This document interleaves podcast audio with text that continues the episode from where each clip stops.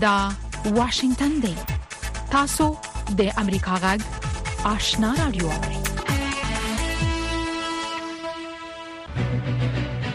قدرمن اوریدونکو السلام علیکم زه شافیا سردار یم دا د امریکا غږ آشنا رادیو خبرونه پیښ شوه لومړی به خبرونه واوري السلام علیکم درنو اوریدونکو تاسو د امریکا غږ آشنا رادیو نه د دې سات خبرونه اورئ د طالبانو د حکومت د لوړو زده کړو وزارت د افغانستان خصوصي پوهنتونونو ته په یو لیک کې د دغو ښوونځیو مؤسسو غوښتي چې له خپلو کتابتونونو څخه د حنفي فقه خلاف کتابونه راټول کړي په دغه مکتوب کې چې د 1402م لمریز کال د لیندۍ یا د قوس په درويشتمه نیټه صادر شوی ویل شوی دی چې د لوړو زده کړو وزارت د دعوت او ارشاد ریاست له لوري تاسو ته لارښوونه کیږي چې په ټولو خصوصي تحصیلي مؤسسو کې کتابتونونه تصفیه کړئ ټول د حنفي فقه خلاف کتابونه سیاسي او هغه کتابونه چې ایډیالوژیکي ستونزې رامنځته کوي د کتابتونونو څخه لرې کړئ او د سیرت نبی خه کتابونه ځای په ځای کوي په مکتوب کې دام لیکل شوی دی چې د خصوصي پوهنتونونو په کتابتونونو کې د نوو کتابونو له ځای پر ځای کولو مخکې باید د نوو کتابونو لیست د لوړو زده کړو د وزارت سره شریک شي د افغانستان د پاره د ملګرو ملتونو د عمومي منشي ځانګړي استاذي او د یوناما مشي روزا تنبایوا ویلي دي چې په افغانستان کې د بشري حقوقو د نړیوال کنوانسیون مهم اصول تر پخو لاندې کیږي استازي اوتنبایووا د چهارشنبې په ورځ چې د قوس نهه ویشت مه وه د افغانستان په اړه د ملګرو ملتونو د امنیت شورا په غونډه کې په افغانستان کې د بشري حقوقو د وضعیت په اړه ژوره اندېښنه څرګنده کړه هغې وویل چې په افغانستان کې د ښځو او نجونو په وړاندې سیستماتیکه تبعیض د سیاسي مخالفینو ځپل او د بیان ازادي د اقلیتونو د بامفهومه استازیتوب نشتون د قضا پرته وژنې نیول او جبري توقیف شکنجه او ناوړه چلند له بشري حقونو څخه د سرغړونو په توګه یاد کړل. د افغانستان لپاره د پاکستان ځانګړي استازي آصف دراني ویلي د مهاجرت د نړیوال سازمان د عمومي مشرې ایمي پوی سره یې په پاکستان کې د میشتو افغان کډوالو په اړه خبرې کړې دي دراني ویلي په دې لیدنه کې په ځانګړي ډول دریم هیواد کې د میشت کېدونکو افغان کډوالو په اړوند مسلو خبرې وکړې دغه پاکستاني استازي د پنځشنبې په ورځ د ایکس په ټولنیزه شبکه کې ولیکل چې په دې کتنه کې په پاکستان کې د میشتو هغو افغان کډوالو په وضعیت یې د میرمن ایمي پوی سره خبرې کړې دي چې د 2021 کال د اګست په میاشت کې د افغانستان نه د امریکا او ناټو د ځواکونو د وتلو وروسته پاکستان ته ورغلي د مهاجرت د نړیوال سازمان مشره د چهارشنبې په ورځ د افغانستان نه پاکستان ته لاړه. ملګري ملتونه دغه راپورونو د تصدیقولو په لټه کې دي چې وی په افغانستان کې واکمن طالبان د هر عمر نجونې په مذهبي مدرسو کې زده کړو ته پریدي چې له دودیز پلوه یوازې د الکانو د پاره دا خبره د چهارشنبې په ورځ چې د قوس نهه ویشتمه و د افغانستان د پاره د ملګرو ملتونو ځانګړي استازي کړې ده روزا اوتنبایووا د ملګرو ملتونو امنیت شورا ته د تېرې ورځې د غونډې وروسته خبریالانو ته ویل، داسې ګنګوسې دي چې په افغانستان کې نجونې په مذهبي مدرسو کې زده کړو ته پرېښودل کېږي.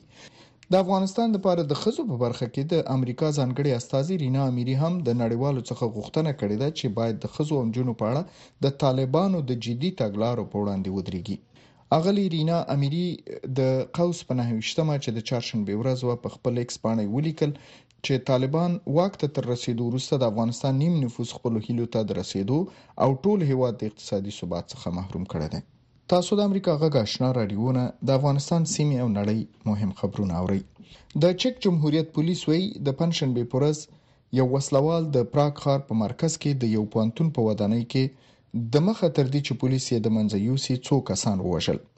د پلازمینې پراګ ښار پولیسو په خپل ایکس ټولنیزه پاڼه کې لیکلي دي چې وسله وال د منځه یوړل شو. په دې اعلامیه کې دام ویل شوي دي چې دا وختې ودانۍ د تخلیې په حال کې ده او د پیښې په ځای کې څو تنه مړه او لسګونه نور ټپیان دي.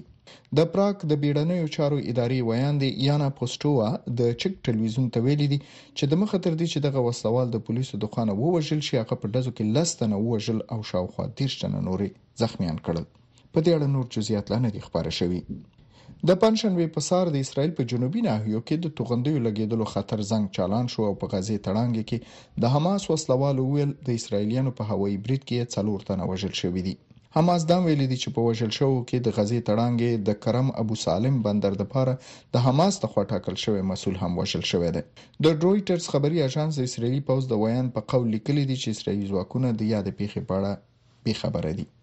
د چين دولتي رسنيو د پنجشنبې په ورځ خبر ورکو چې د دغه هېواد په شمال ختيځ کې د ډبرو سکرو د يو کان دننه په يوه پېښه کې دولس تنه مړه شوي دي او ديارلس نور زخميان شوي دي. دولتي ټلويزيون سي سي ټي وي ويلي دي چې پېښه د چارشنبې په ورځ په ځايي وخت د ماسپښين په درې نيمو بجو باندې د هيلونګ جيانګ ولايت د جي سي ښار ته څېرمه د ډبرو سکرو په يو کان کې رامنځته شوه. او د هند صدراعظم نرېندرا مودي وي غواړي چې په امریکا کې د بېلتون غوښتونکو سیکانو د یو مشر د وژلو د توطیې په اړه هر سپارل شوي شواهد وڅېړي. د امریکا د عدلیې وزارت تېره میاشت یې یو هندي وګړی تورن کړو چې په امریکا کې یې د سیکانو د یو مشر د وژلو پلان درلود چې د هند د حکومت یو استخباراتي چارواکي هم په کې دخیل بلل شوی و. د هند صدراعظم نرېندر مودي د امریکا د عدلیې وزارت د دغې اعلامیې څخه وروسته په اول ځل په دې مسلې باندې خبرې وکړې او د چهارشنبې په ورځ یې د فاینانشل ټایمز ورځپاڼې سره مرکه کې ویل چې که یو څوک ورته هر ډول معلومات ورکوي دوی به یې ارزونه وکړي ځکه هند د قانون حاکمیت ته ژمن دی. د هند د بهرنیو چارو وزارت ویلي د لوړې کچې یوه څیړونکې کمیټه یې ټاکلې چې د دغې قضیې ټول اړخونه وڅیړي. دا و د دې ساعت خبرونه.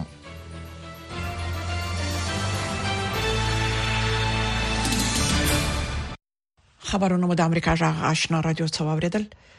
قدرمن اوریدونکو زموږ په دې سهارنۍ پښتو خبرونه کې د افغانستان سیمه او نړۍ د راپورټونو ترڅنګ لومړی دا راپورټ لرو چې د طالبانو حکومت د شبرغان څخه تر الوان دشتي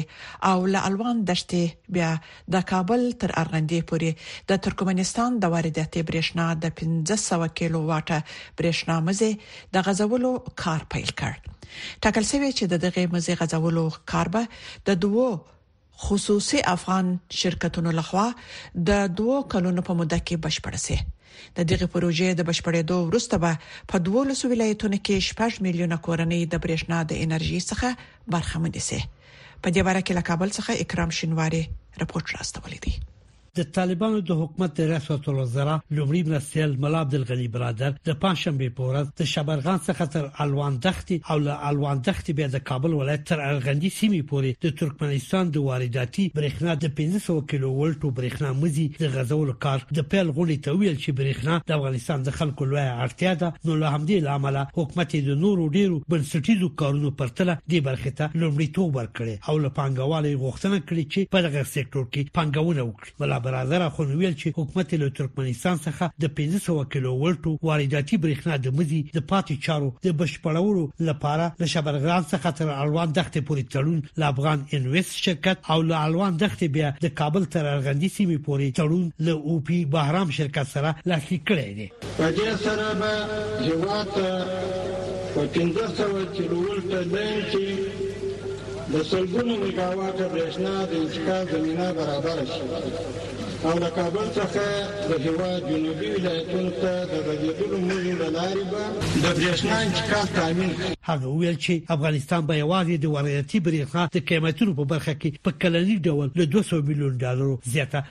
سپما ولري همداشان د برېښنا د شرکت د پروګرامونو رئیس ډاکټر عبدالقهار عابد د شبرغان څخه تر الوان دښتې پورې د 1500 کیلو ولټو برېښنا موزي او د الوان دښتې د 1500 کیلو ولټو سب سټیشن په پرانیست غونډه کې ویل چې برېښنا شرکت په د دې پروژو په بشپړېدو سره زر میگاواټه برېښنا له ترکمنستان څخه په کمه بیه وارده کړي هغه ویل چې د دې پروژې د یوې برخې کار چې د ترکمنستان څخه تر شربلغان پورې بشپړ شوی او د دوه نورو برخو کار تر 80% پورې پرمختللی دی یو خو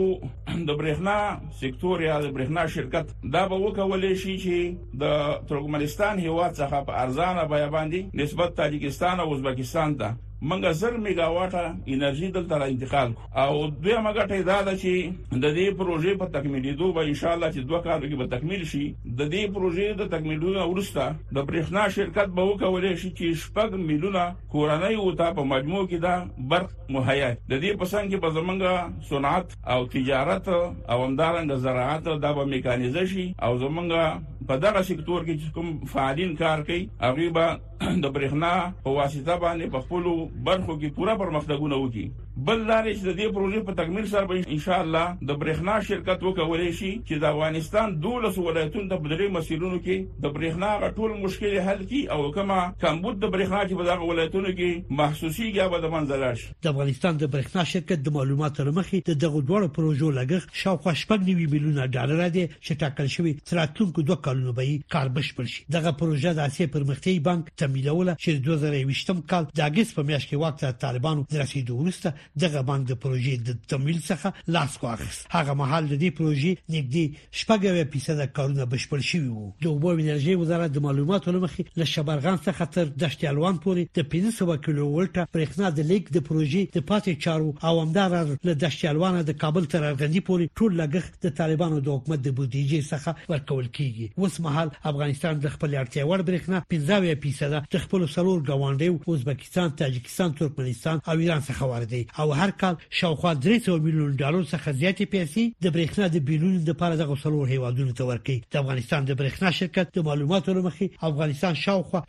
1400 میګاواټه برېښنا ته اړتیا لري چې یوازې 2% له داخلي منابعو څخه برابرېږي د برېښنا شرکت د معلوماتو لمخې اوس مال په افغانستان کې 30% خلک برېښنا ته لاسرسي لري انتظار پای ته ورسید ترنو لیدونکو او اوریدونکو تاسو کولی شئ د امریکا غا ټلویزیونی او رادیوي خبرونه د یاشر ساتلایت له طریقو وګورئ او واورئ د نوي ساتلایت لارې تاسو د آشنا اتصال او کاروان ټلویزیونی خبرونه کتلای هم شئ د امریکا غږ د افغانستان څنګه خبرونه په 309 شپږ چنل او د آشنا رادیوي خبرونه په 309 شپږ چنل کې اوریدلای شئ لملتيامو د تل پشان مننه رپورټونه د امریکا جغ آشنا رادیو څوري د متحده ایالاتو د کانګرس غړي بیل دي چې د جمهوریت غشتونکو ګوند لغښتنې سره سم د امریکا سرحدي امنیت لپاره پیسې منزور کړي او په بدل کې د اوکرين لپاره نږدې 18 میلیارډ ډالر مرسته تصویب کړي په رخصتي روان دي په واشنگټن کې د امریکا جغ د کانګرس د چارو خبريالي کاترین جپسن د رپورت خلاصه سید سلیمان شاه تاسو ته دراوړوي متحده ایالاتو د 2022 میلادي کال په فروری کې پر یوکرين باندې د روسیې د نظامی ارغل نورستا هغه هوا ته 15 میلیارډ ډالر د پوځي او بشري مرستو په شکل لیږلي دي دا د جنگ په جبهاتو کې د یوکراني ټانکونو او د بمونو د چاودنو اوازونه دي د امریکا د کانګرس غړي لګیا دي د ملي امنیت لپاره د 114 میلیارډ ډالرو قانوني لایحه په منځورولو کار کوي د دغه پیسو نه 18 میلیارډ ډالر د اوکران لپاره په پام کې نیول شوې دي خو د کانګرس غړي بیل دی چې دغه لایحه تصویب کړي د بل کال تر پیړه پر رسختۍ روانيږي د سنا د اکثریتي ګوند مشر چک شومر ویل ډیموکراتان او جمهوري غوښتونکي دواړه پوهیږي چې د دې قانون د منظورولو لپاره لا نور کار ته اړتیا ده. د امریکا د امنیت او د لویدیځې نړۍ د امنیت د ساتلو مسئله مطرح ده. جمهوري غوښتونکي وايي چې بهرنیو هیوادونو ته د پیسو له لیږلو مخکې باید په خپله امریکا کې د سرحدونو د کورني امنیت موضوع لومړیتوب ولري. د مهاجرت موضوع د امریکا د سیاست تر ټولو زیاته پیچلې موضوع ګڼل کیږي او حل اسان نه دی د متحده ایالاتو د سنا د اقلیتي ګوند مشر میچ میکانل په دې اړه خپل نظر په دې ټکو کې څرګند کړ موږ د ریګن د حکومت له دوهمې دورې راهیسې د مهاجرت په اړه د پاموړ کوم قانون نه دی منزور کړی له همدې کبله دا دومره اسانه کار نه دی خو موږ خپله نهايي هڅه کوو چې دا مسوده منظور شي ځکه چې هېواد مو ورته اړتیا لري او عاجله اړتیا ورته لري. د ملي امنیت لپاره د سپینې ماڼۍ په خواست کې له حماس سره د شخړې په وجه د اسراییلو لپاره نږدې څوارلس میلیارد ډالره مرسته هم شامله ده. خو د چیرونکو په باور د دغو پیسو منزورول بیړی ته ضرورت نه لري د امریکا د سمندري پوز متقاعد ډګرمن او د واشنگټن د ستراتیژیکی او نړیوالو چیرونو د مرکز غړي مارک کانشن له امریکا غاک سره د زوم لارې په دیاړه د خبرو په محل داسي ویل اسراییل ته ټول هغه څه چې هغوی ورته د جګړې لپاره ضرورت لري رسیږي خو زیاتې پیسې له جنگ نه وروسته د اوږدمهالې بیا رغونې په خاطر ورکول کیږي په اصل کې د دې مرستې ډیره لږه برخه د روانې شخړې پورې اړه لري خو د کانکورد پریس د رويټرز اژانس په حواله ریپورت ورکړی چې سپینې ماڼۍ کانګرس ته خبرداري ورکړې چې له یوکرين لپاره د پوځي مرستو منزورول ځکه حتمی دي چې د روان میلادي کال تر پایه پورې ورسره پیسې خلاصيږي څوړونکي وایي چې د دې مرستې نه منزورېدل به فوري عواقب ولري د جورج واشنگټن پوهنتون مرستيال پروفیسور او د امریکا د بهرنیو چارو وزارت یو سابقه دار مامور کولن کلیری چې په یوکرين کې هم د خدمت دوره سرته رسولې وای چې متحده ایالاتو اصلا له یوکرين سره د پوځي مرستې په اړه ښه سنجش کړي کوم رسمنځور نشو او کوم بحران رامنځته شي نو پوزي بود به ولري او په دواړو ډایمنشنونو یا اړخونو کې باید دا خبره په پام کې ونیول شي چې استقامتي جګړې تل ډېر زیات مهماتو او اکمالات ته ضرورت لري جمهور رئیس اولودمایر زيلنسکي د سشنبه په ورځ اعلان وکړ چې د متحده ایالاتو د کانګرس لخوا د امرسته د منځورولو په اړه اوس هم خوشبین دي او یوکرين لګیا دی په دې اړه کار کوي مطمئن دی چې متحده ایالات به ورسره جفا ونکړي لبل پلاو په امریکا کې د یوکرين ملاتړ کوونکي وای ک لویدیز هوادونه له یوکرين سره د نظامی مرستو په برخه کې پاتې راشي نو د یوکرين جنگ به د روسي د جمهور رئیس ولادیمیر پوتین په بریالیتوب تمام شي د متحده ایالاتو د کانګرس غړي به د رسختیو په دوران کې هم په دې اړه مذاکرات جاري وساتي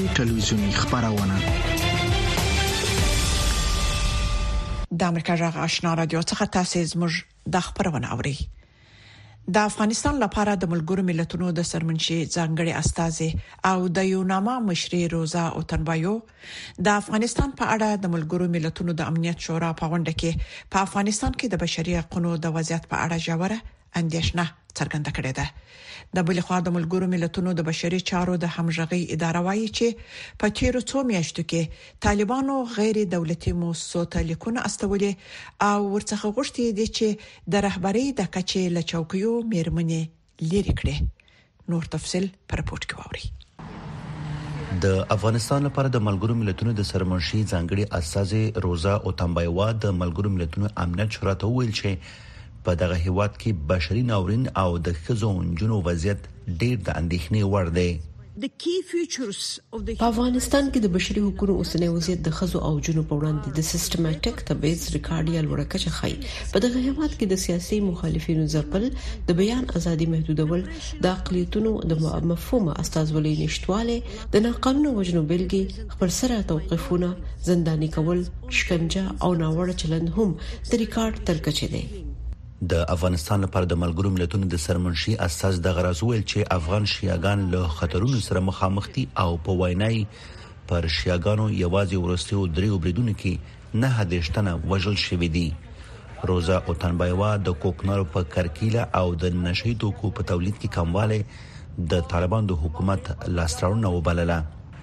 په ملګرو ملتونو کې د امریکا د استازي مرستیال رابرټ ووډ په دې غونډه کې ویل چې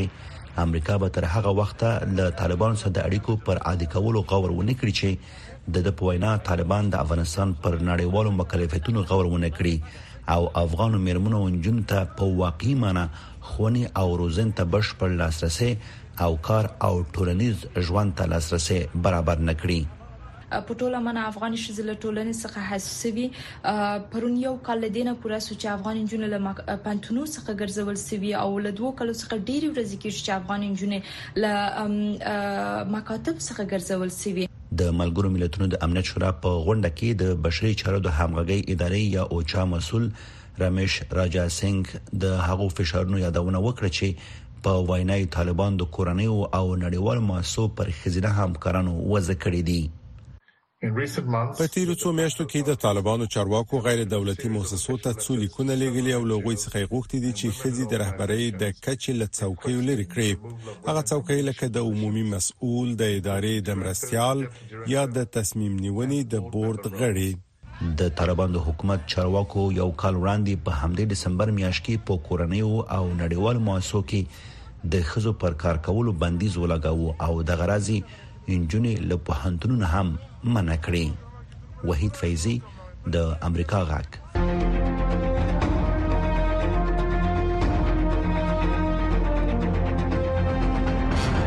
اتصال زموږ او ساسي پیوستون خبرونه چیرنی او خبرګونونه موثق معلومات او دقیق جزئیات کورنۍ نړیوالې او سیمېزي مسلې چې د عام خلکو پر ژوند غیز لري ساسي پښتنې د چارواکو ځوابونه او د پوهانو سپارښتنې لې یک شنبه تر پنځ شنبه هر مخام په شپږ بجو او دیر شو دقیقو له واشنگټن څخه پر ژوندې بڼه د سټلایټ ټلویزیون او ټولنیزو شبکو پکو له لارې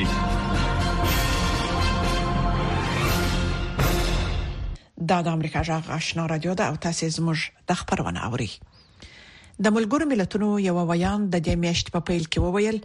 افغانستان په نړۍ کې د زیږون په وخت کې د مړینې لپاره تر ټولو بد هیواد دی هغه وویل هلته په هرو دوو ساعتونو کې یوه ښځه مري خو د طالبانو د بیا واکمنیدو وروسته د تخصص د کمښت او د پاکستان له خوا د افغان کډوالو د جبري بیرته ستنیدنې له امله امیدواره میرمنې له نوو ننګونو سره مخامخ شوې دي پام وکړئ په دې اړه رپورت ده د بي سرحد ډاکټرانو په روختون کې شاوخوا سلطنې کابلې په افغانستان کې د میندو د مړینې د کچې د کمولو په مخه په لومړی کرخه کې په دندو بوخت دي په افغانستان کې ډیر ماشومان ویاړ ګڼل کیږي خو هر زیغون د میندو لپاره ډیر خطر هم لري ډیر شمیر مرمنو د افغانستان په ختیځ کې د خوست له لیکوالو سیمو څخه د زیګون روختون ته سفر کړی دی امیدوارې ټولې خزه دا ویره لري چې یا به خپل او یا به بچي مري ټولې هغه مرمنې چې روختون ته زی خوشبخت نه دي دا یو بچو درغه وای ونه وای چې بډره لره د روغتیا د نړیوال سازمان د تازه شمیرو لمخې له 2011 کال راهسې په افغانستان کې په هرو سل زرګونو خزو کې شپږ سبا اته دیرش خزې مري دا شمیره د کلیوالو او خاري سیمو ترمنځ بیا لا لوی توپیرونه لري لوی مشکل به دا وي چې ځینې وختونه موږ ناروغان ترلاسه کوو چې ډېر ناوخته راځي، بیا زموږ لپاره ډېر ناوخته کېږي چې د دوی ژوند وژغورو او که موږ د یو ناروغ ژوند د لاسه ورکړو نو دا واقعاً هغه څه دي چې په زړه کې پاتې کېږي او واقعاً دردونکي وي. د پاکستان لخوا د افغان کډوالو جبري اخراج د امیدواره افغان میرمنو ستونزې نورې هم زیاتې کړې دي. او زه پاکستان کې وم کنه هغلته ما اووه ځلې د ټي معاینه کړې وه هلته بیا ماته وویل چې ستا چې دي درې ماشومان دي بیا هلته نه موږ شړلو موږ ما ویل دلته راشو نه وای نه وای زه هلته هلته مې څلوېښت کاله تېر کړي ما دلته زه راشم دا څنګه څنګه ځای نه وي نه ویل راکاته او زه بیمار یم د سړي سره مې پیسې نشته د طالبانو په واکمنۍ کې خزي له عامه جون څخه بي برخه شوي او زده کړو ته لاسرسي محدود شوي او د خزینه طبي ډاکټرانو راتلونکي لګواخ سره مخ کړي شیناز نفیس امریکا غږ واشنگټن او د میدان وردګ په ولایت کې روغتیايي چارواکي وايي د ښځینه واکسیناتورانو موجودیت د ګوزڼ ضد مبارزه کې مؤثر تمام شوی دوی وايي د مؤثریت له امله به په نوي کال کې د شمیره نور هم لوړ کړي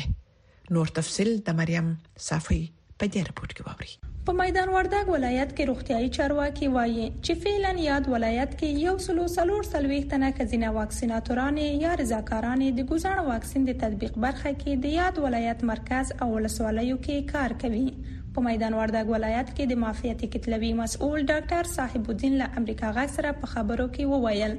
چې پلان لري دا شمېر ښځینه رضاکارانو ټیمونه راتلونکي کال لپاره د میدان وردګ ولایت د مرکز ترڅنګ په ولسوالیو کې هم زیات کړي تر څو د پولیو واکسین د څاڅکو په تطبیق کې پرمختګ رامنځته شي. اوس مهال موږ په مجموع کې دوه اویا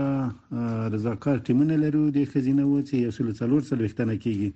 او د نوي کال لپاره موږ پلان لرو چې دغه ټیمونه اضافه کړو د دې لپاره چې اثر یې دا ده چې دوی رضاکار ټیمونه د ښځینه وو هر کور ته تللی شي په ډاډه زړه د ښځو سره رابطه کولای شي ماشومان تمیز کیږي له بلې خوا فهیمه چې له تیرو درو کلونو را په دې خوا د میدان وردګ ولایت په سید آباد ولسوالۍ کې ماشومانو ته د ګوزڼ واکسین څاڅکي کور په کور رسوي او تطبیقوي له امریکا غږ سره په خبرو کې وایي ډیری وخت میندې په کور کې وي او کله چې ښځینه واکسیناتورانې کورونو ته ورځي نو میندې په ډیره مینه خپل ماشومان ورولي او دوی ورته د پولیو واکسین څاڅکې تطبیقوي. درنو اوریدونکو دا د امریکا غږ سر مقاله ده چې د امریکا د حکومت نظر څرګندوي هیوادونو 15 اویا کاله پخوا په خپل سادهتوب او په ډیر څرګند توب ژمنه وکړه ټول انسانان په حیثیت او حقوقو کې آزاد زیږیدل دي دغه الفاظ د ملګرو ملتونو د بشري حقوقو د جهاني اعلامیې سره پیل شوی دی او د خوشباورۍ به ساري څرګندونه ده او په داسې نړۍ کې عقیده ده چې لا تر اوسه له دوو نړیوالو جنګونو له تباهیو نه را څرخېږي او د هولوکاست له وحشت نه. د بهرنیو چارو وزیر انتوني بلینکن وویل، په واقعیت کې کله چې د دغې اعلامیې مسوده تیاره شوې وه، او منل شوي وه دغه حقوق شمیرل شوي وو په ناممکنه توګه نازکه وو بیا هم دغه حقوق اوس زمونږ د ټولنو په فابریکه کې ودل شوي دي دوی د هغه تاثیر یوه برخه ده چې زمونږ نړیواله ټولنه ړندوي دوی د ازادۍ لپاره، د عدالت لپاره او د بشري حیثیت لپاره معیار برابروي. د بهرنیو چارو وزیر بلینکن وویل، د دغې اعلامیې د لاسلیک کولو د پنځاویایمې کلیزې په باره کې زموږ مسؤلیت وده کړې ده چې دغه پرمختګ پرمخ بوځو، په خاصه توګه اوازونه مخ په زیاتېدونکې توګه د دغه اساسي حقوقو نړیوالتوب چلنج کوي، د دوی وړتوب، مشروعیت. ده زیاته کړه، همدا علت امریکا یو شمېر ژمنې کړې دي چې له بشري حقوقو نه دفاع وکړي او پیاوړې کړي. لومړی موږ به خپل کار زیات کړو چې داسې قوي ټولنې جوړې کړو چې د ډیموکراتیک نوي کولو لپاره د جمهور رئیس بایډن د جمهوري ریاست د پروګرام د لارې په شمول چې د بشري حقوقو احترام وکړي موږ به په پروګرامونو کې خپلې پانګې اچونې ته هم پراختیا ورکړو چې د مطبوعاتو د ازادۍ دفاع وکړي او د خبریالانو حفاظت چې له بشري حقوقو نه د سرغړونو مخنیوی وکړي او مبارزه ورسره وکړي چې د بشري حقوقو د مدافعینو ژغورنه وکړي چې حساب کتاب ورکول او د قانون حاکمیت پیاوړی کړي دوهم د بهرنیو چارو وزیر بلنکن ویل لمنګ به د دې ډاډ ورکو چې په خپل ډیجیټل نړۍ کې په زیاتېدونکو توګه د بشري حقوقو ملاتړ شوې ده موږ د ملي اقدام پلان پر مخ بیاو چې په تجارت سره خورکخ لا پیاوړي کوو او د دې ډاډ ورکوو چې زموږ د خپل حکومت تجارتي فعالیت د بشري حقوقو، د کارګرو د حقوقو او د چاپیریال د حقوقو ملاتړ کوي او موږ به اقدامات وکړو چې د ټکنالوژۍ د شرکتونو سره مرسته وکړو چې د دغې مخنیوی وکړي چې د بشري حقوقو د مدافعینو او د مدني ټولنې د نورو غړو په خلاف د حملو لپاره د وسیلې په حیث کار وانه خستل شي. په اخر کې موږ ژمنه کړې ده چې خپل کوششونه پراخوو چې نژادي عدالت پیاوړی کوو او د بهرنیو چارو وزیر بلینکن څرګنده کړه چې په امریکا او نړۍ کې په جنس باندې د ولاړ تاوتریخوالي غم خوري دا د حکومتونو، پلویانو، د ملګرو ملتونو او هر کس مسولیت دی چې د داسې نړۍ منځ ته د راوړلو په باره کې کار وکړي چې د هر کس د ذاتي حیثیت احترام او ملاتړ وشي